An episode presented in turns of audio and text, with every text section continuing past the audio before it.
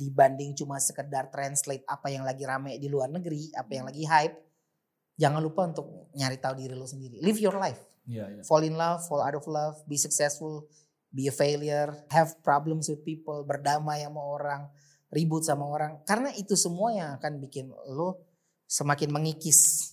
Kalau lu nih sekotak marble yang belum dipahat, semua experience itu yang akan bisa lo pahat ke dalam sampai lo nemuin diri lo siapa.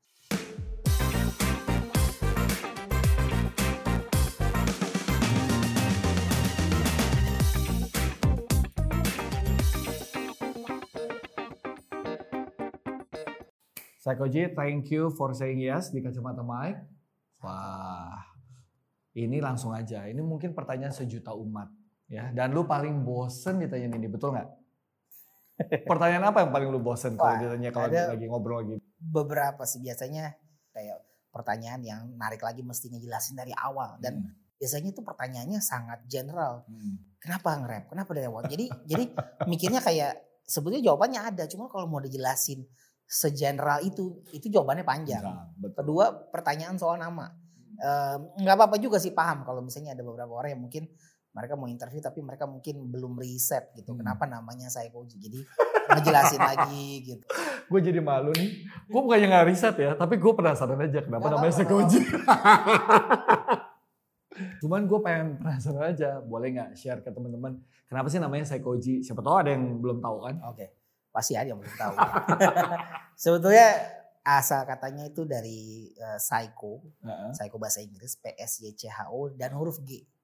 Karena eh, rapper itu biasanya punya nama em, dua suku kata ditambah sebuah huruf kapital atau enggak Ah. satu suku kata ditambah sebuah huruf kapital contohnya J Iya. Z Eh, atau yang agak lebih baru eh, rapper Cardi B. Ah, kayak gitu-gitu. jadi kayak em, nama apa lalu sebuah huruf kapital yang mungkin punya arti tersendiri buat mereka. Nah waktu pertama kali mulai nge-rap eh, yang melekat itu adalah julukan karena gue orangnya penyendiri pendiam waktu SMA ada yang pernah nyeletuk wah psycho lo gitu. Kurang lebih seperti itu. Jadi psycho terus tambahin apa ya biar keren? Psycho G G-nya tuh representatif. apa aja nggak ada. Sebetulnya nggak ada tujuan spesifik. G-nya just sounds cool aja. Psycho G Hmm. jadi G-nya tuh bisa ke mana-mana. Biar keren aja. Permasalahannya begitu udah mulai ikut kompetisi sana sini banyak yang suka salah sebut. Jadi Hmm. kayak dipanggilnya bukan psycho G tapi disco G disco jadi uh, buat yang udah tahu Iya. mereka taunya psycho G Iya. akhirnya dicari jalan tengahnya. Gimana cara supaya orang Indonesia baca benar Benar. jadinya S A Y K O J I. Benar juga ya. Iya, iya, iya. Psychoji gitu. Kalau ditanya sekarang. filosofinya nggak ada filosofi khususnya aja sih. Cuman memang udah nyangkut aja dan somehow sampai hari ini juga jadi nama yang gampang diingat orang. Oke, gue tertarik sama lu bilang lu orangnya penyendiri. Emang sepenyendiri apa sih? Em, tipe-tipe yang kalau sekarang kita eh, mencari mencari apa namanya thread-thread soal introvert dan extrovert, gue tipe orang yang di recharge dalam kesendirian. Jadi gue eh, sangat menikmati momen sendiri. Kayak misalnya tadi interview istri gue gitu, gue keluar, Iya. itu buat gue nggak ada masalah. I don't mind to be alone karena dalam sendiri itu eh, jalan pikir tuh bisa dirunut, ide-ide itu bisa dituangin mungkin jadi catatan atau bahkan bisa mikir kayak apa yang bisa dilakukan ya, kayak ngeliat tempat ini aja kayak, oh apa yang bisa dilakukan ya dengan tempat ini gitu. gue menikmati kesendirian Saya dia. karena kesendirian itu means eh, kita nggak punya banyak distraction Hmm. nggak punya banyak hal-hal yang bikin kita teralihkan dari pikiran utama kita gitu. Tapi lu sendiri tuh awkward gak sih kalau lagi bergaul atau bersosialisasi Oh iya, awalnya, awalnya? awalnya. Kayak misalnya eh, PDKT sama Desi aja sama istri juga awalnya memang awkward banget. Apalagi kalau misalnya eh, berada di tengah keramaian di awal-awal. Kenapa tuh? Karena Kayak momennya kayak gimana? Ba- Ceritain ke kita dong. Awkwardnya seperti apa sih? karena kayak ada kecenderungan bahwa kalau lagi rame apalagi di antara di antara rapper nih ada kecenderungan bahwa kita harus tampilin seasik apa sekeren apa kehidupan kita cara ngomong kita gaya berpakaian kita yang di awal jadi rapper atau waktu gue masih muda tuh kayak nggak nemu aja gitu Hmm. nggak nggak menemukan kenyamanan di tengah keramaian Hmm. lebih suka menyendiri dengerin musik makanya aneh ya kayak suka hip hop Iya. tapi nggak suka rame. gue juga berusaha mencerna kayak, kayak gimana biasanya hip hop, rapper itu kan rame, crowdnya banyak segala macam dan dia seneng gitu. Karena angle-nya untuk jadi seorang rapper kalau gue adalah ngelihat dari nilai artistiknya menulis, Hmm. songwriting, Ya. eh, nemuin lirik, cari makna yang tepat yang bisa diubah jadi lagu. Itu yang yang gue nikmatin. Dan untuk itu semua bisa terjadi dengan baik, kalau gue orangnya ekstrovert atau kalau gue orangnya suka keramaian, itu nggak jadi. Iya iya betul. Gue selama 22 tahun nge-rap ini kalau gue orangnya keluar dan suka keramaian, suka nongkrong, nggak akan jadi gue yang sekarang. Iya betul. Nah oke itu dari sisi lu sebagai karir seorang rapper ya. Kalau tadi lu awkward pendekatan ke istri si Tesi. Ini menarik nih. Pengen gue gali soalnya. Awkwardnya kayak gimana sih? Kan wajar dong cowok juga kalau deketin cewek mah awkward awkward gimana. gue nggak tahu dia ceritanya gimana. Kita kuliah. bahas kesamaan. Tapi gue tuh tipe orang yang ke mana-mana tuh kerjanya dengerin musik. Jadi buat banyak orang, mereka kalau ngeliat gue itu tuh yang ke mana-mana pakai headphone mulu. Nah satu kali gue lagi nyantai di kampus, ada tiba-tiba cewek yang nyeletuk nyamperin, lu kalau nggak dengerin musik atau nggak pakai headphone sehari, mungkin mati kali lu ya. Gue kaget, kenapa cewek ini ngomong sama gue? Jurus banget sih Nur. Oh enggak, dia nggak judes, Oh, kayak, kayak judes. dengan senyum yang ramah. Oh. Terus ceweknya tuh kayak muka-muka Indo campuran bule gitu kayak ih ada loh cewek kayak gini yang mau ngomong sama gue. Akhirnya gue berusaha untuk cari tahu lebih lanjut. Iya. Oh eh, ini orangnya. Terus pelan-pelan kayak begitu ketemu, oh ternyata kita sama-sama ada di em, apa namanya fellowship mahasiswa yang Ah, sama gitu. Eh, apa unit unit kegiatan mahasiswa Kristen lah. Dan dan sering ketemu di situ juga gitu. Jadi dari situ eh mulai ketemu, mulai ngobrol, tapi nggak pernah nggak pernah ngekspresin perasaan. Kayak dia ke mana gue ngintilin gue ikut aja. Dia mau nanya apa gue ikutin. Sampai ngobrol-ngobrol-ngobrol ternyata eh, cewek ini udah lama di Jakarta tapi belum pernah ke Monas. Oh. Gak pernah ke Nggak Monas. pernah ke Monas. Akhirnya gue sebagai eh sebenarnya bukan asli Jakarta tapi dari kecil di Jakarta dan paham jalanan Jakarta karena gue kecil masa kecil itu Jakarta Timur jadi ke mana-mana naik kendaraan umum dengan skill jalanan gue gue ajak ayo kita naik bus ke Monas Wah, ini nih momen bersejarah ya. nah di naik lift ke atas Monas itu AC lama perjalanannya tapi somehow di tengah AC itu gue keringetan lu, lu akan ngapain sampai di atas? karena sampai di atas gue mencurahkan eh, perasaan. Perasaan. dan di atas puncak ketinggian Jakarta itu di tengah hati Jakarta itu eh, setelah gue rasa gue ungkapin perasaan gue dia bilang dia cuma bilang kayak begini kalau gue nggak punya perasaan yang sama nggak mungkin gue sama lo terus Ush, langsung masuk Tep, masuk tuh Pak Eko gitu Di ya. kita turun Turun. Kita makan siang di bawah kalau nggak salah nyari gerobak mie ayam lalu kita jalan kaki sampai Plaza Indonesia tidak terasa Rasa capeknya ya. Tadi eh, ada tiga pertanyaan sih yang gue tanyain ke Tesi. Yang gue pengen lu juga tanya.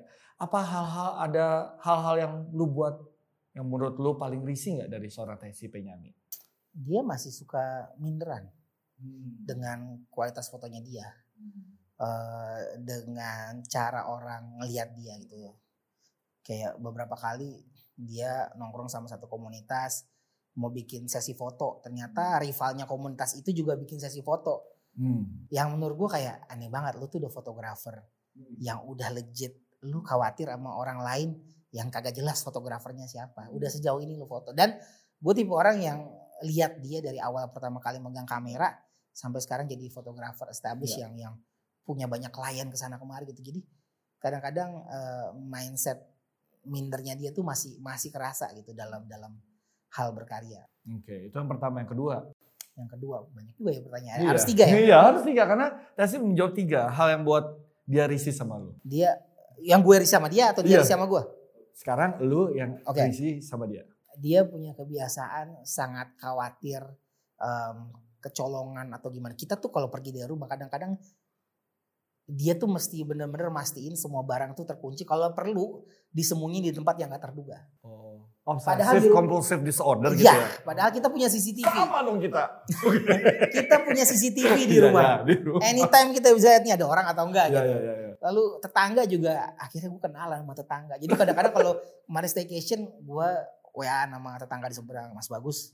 Tolong titip lihat ke rumah ya. Iya, iya. Tapi tetap aja gitu balik ke rumah gue mau bikin video lah kamera gue mana kamera gue di mana? Gue sembunyiin hehe.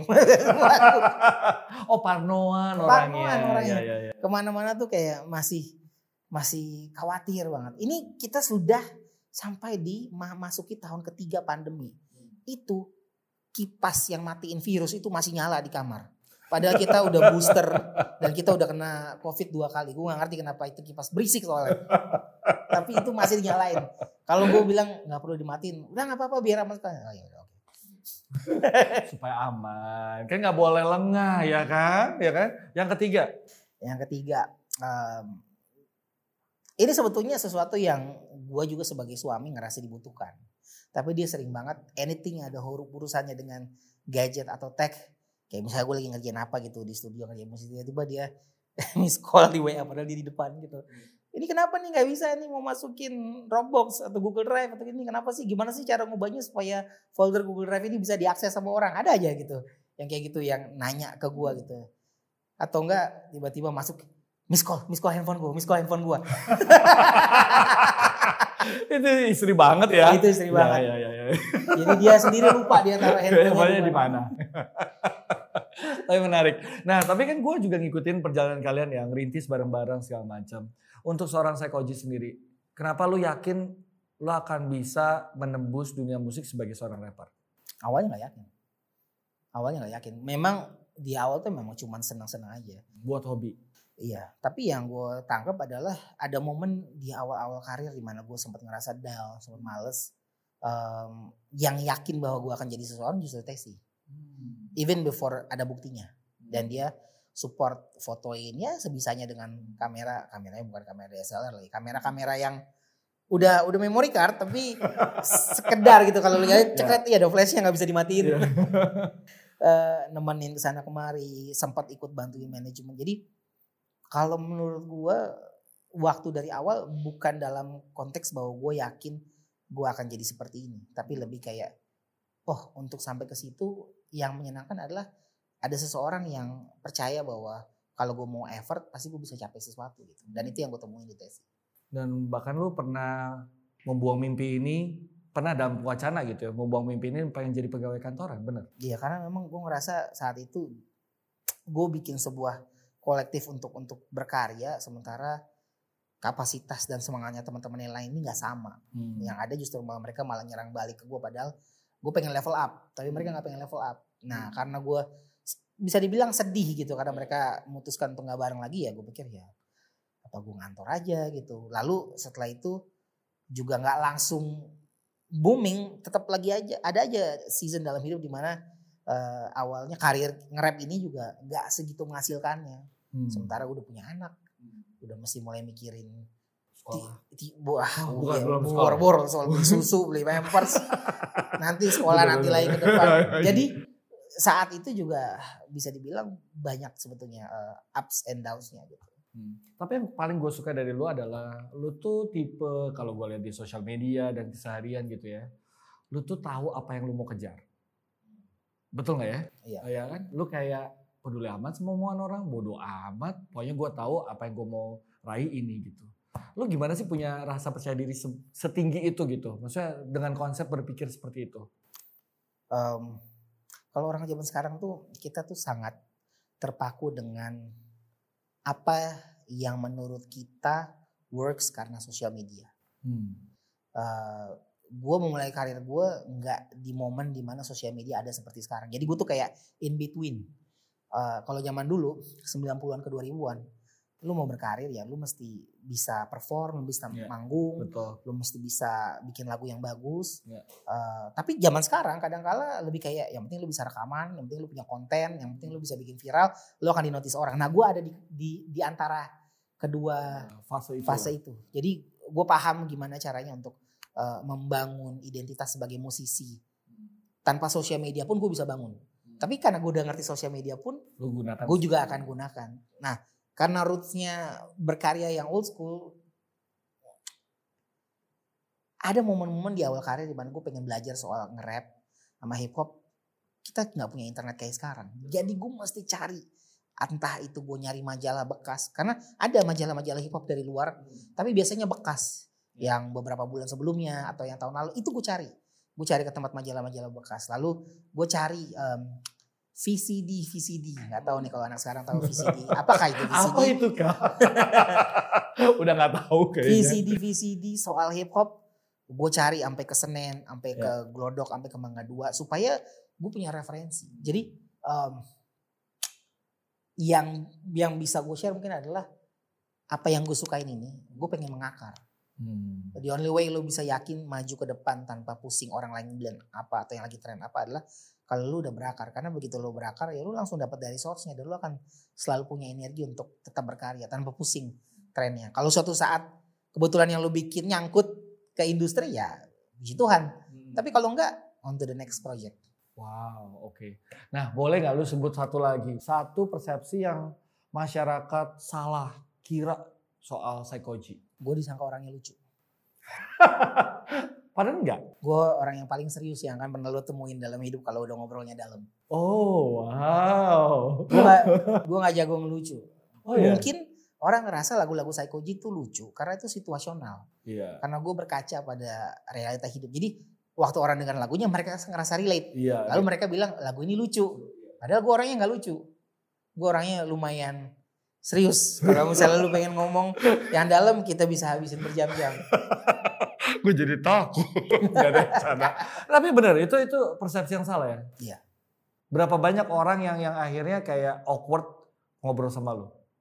Berapa banget. banyak maksudnya? Iya, berapa banyak orang yang awkward kan pasti ya karena nganggap lu lucu, pasti mereka eh, ajak humor, guyonan segala Oh iya, kadang-kadang ada yang ngajak foto atau yang mau eh, ya kayak gini mau interview. Iya, iya, iya. Ngarapnya tuh nemuin sesuatu yang kocak, tapi begitu gue ngomong dan kita ngomong soal hidup, wah jadi dalam, jadi jadi jadi jadi pikiran gitu. Eh, Nggak nggak sering juga kayak misalnya orang eh, itu tadi kalau ngajak foto tuh memang mereka tuh berharap ketemu gue tuh yang yang kocak, padahal gue orangnya nggak tidak pernah merencanakan untuk jadi orang yang kocak, emang cuma ingin bercerita aja gitu apa adanya.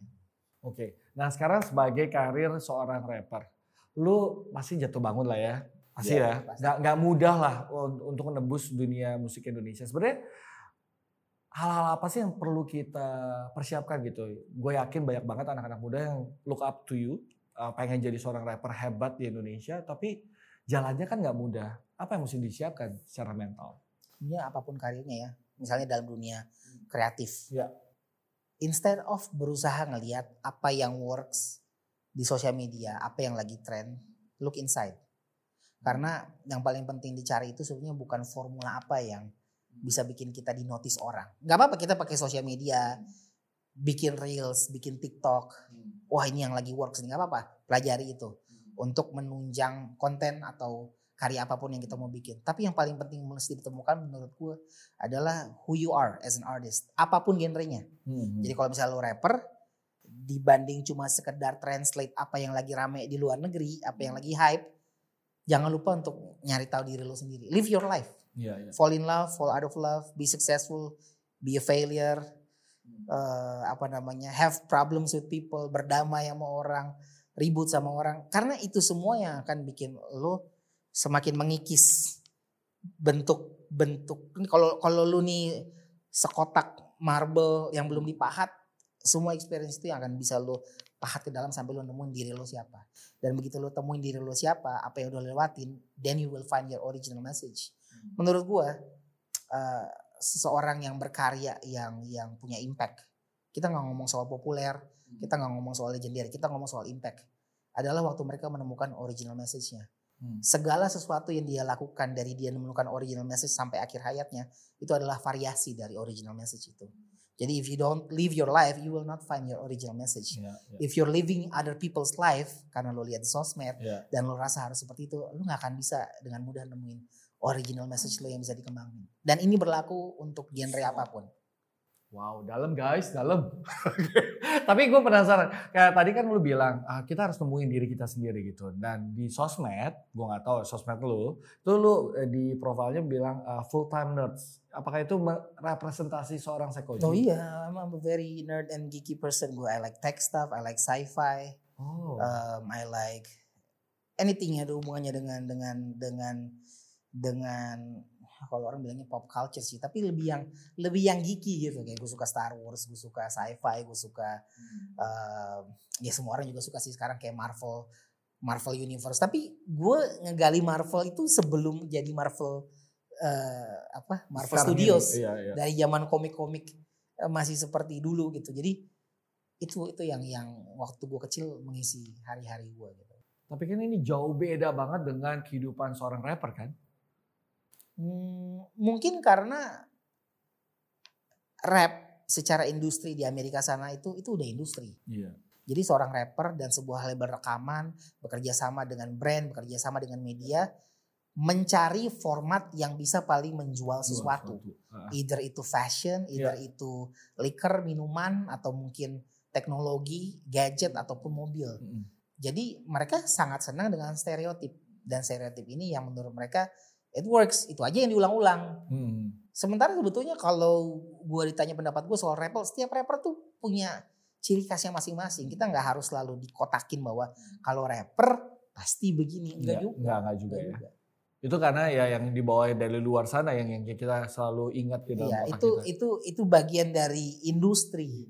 Lu punya record label yang punya jangkauan luas, lu punya uh, media, lu punya uh, produk-produk yang ingin menempelkan identitas produk mereka dengan rapper yang Hmm. terkenal, jadinya seperti itu. Tapi menurut gua di luar itu pun um, seorang rapper tuh bisa punya identitas sendiri. Oke, sekarang kalau kita udah lihat perjalanan hidup lu dan gua sangat lihat masa depan cerah seorang Sekoji ya. Kalau boleh balik lagi ke usia 20 atau 30-an ya. Apa yang lu mau lakukan? Kan udah lihat kolaborasi, Enggak. lihat pemenangnya dari seluruh pelosok. Berarti kita punya potensi. Tapi siapa yang akan mikirin gimana caranya ngebangun industrinya?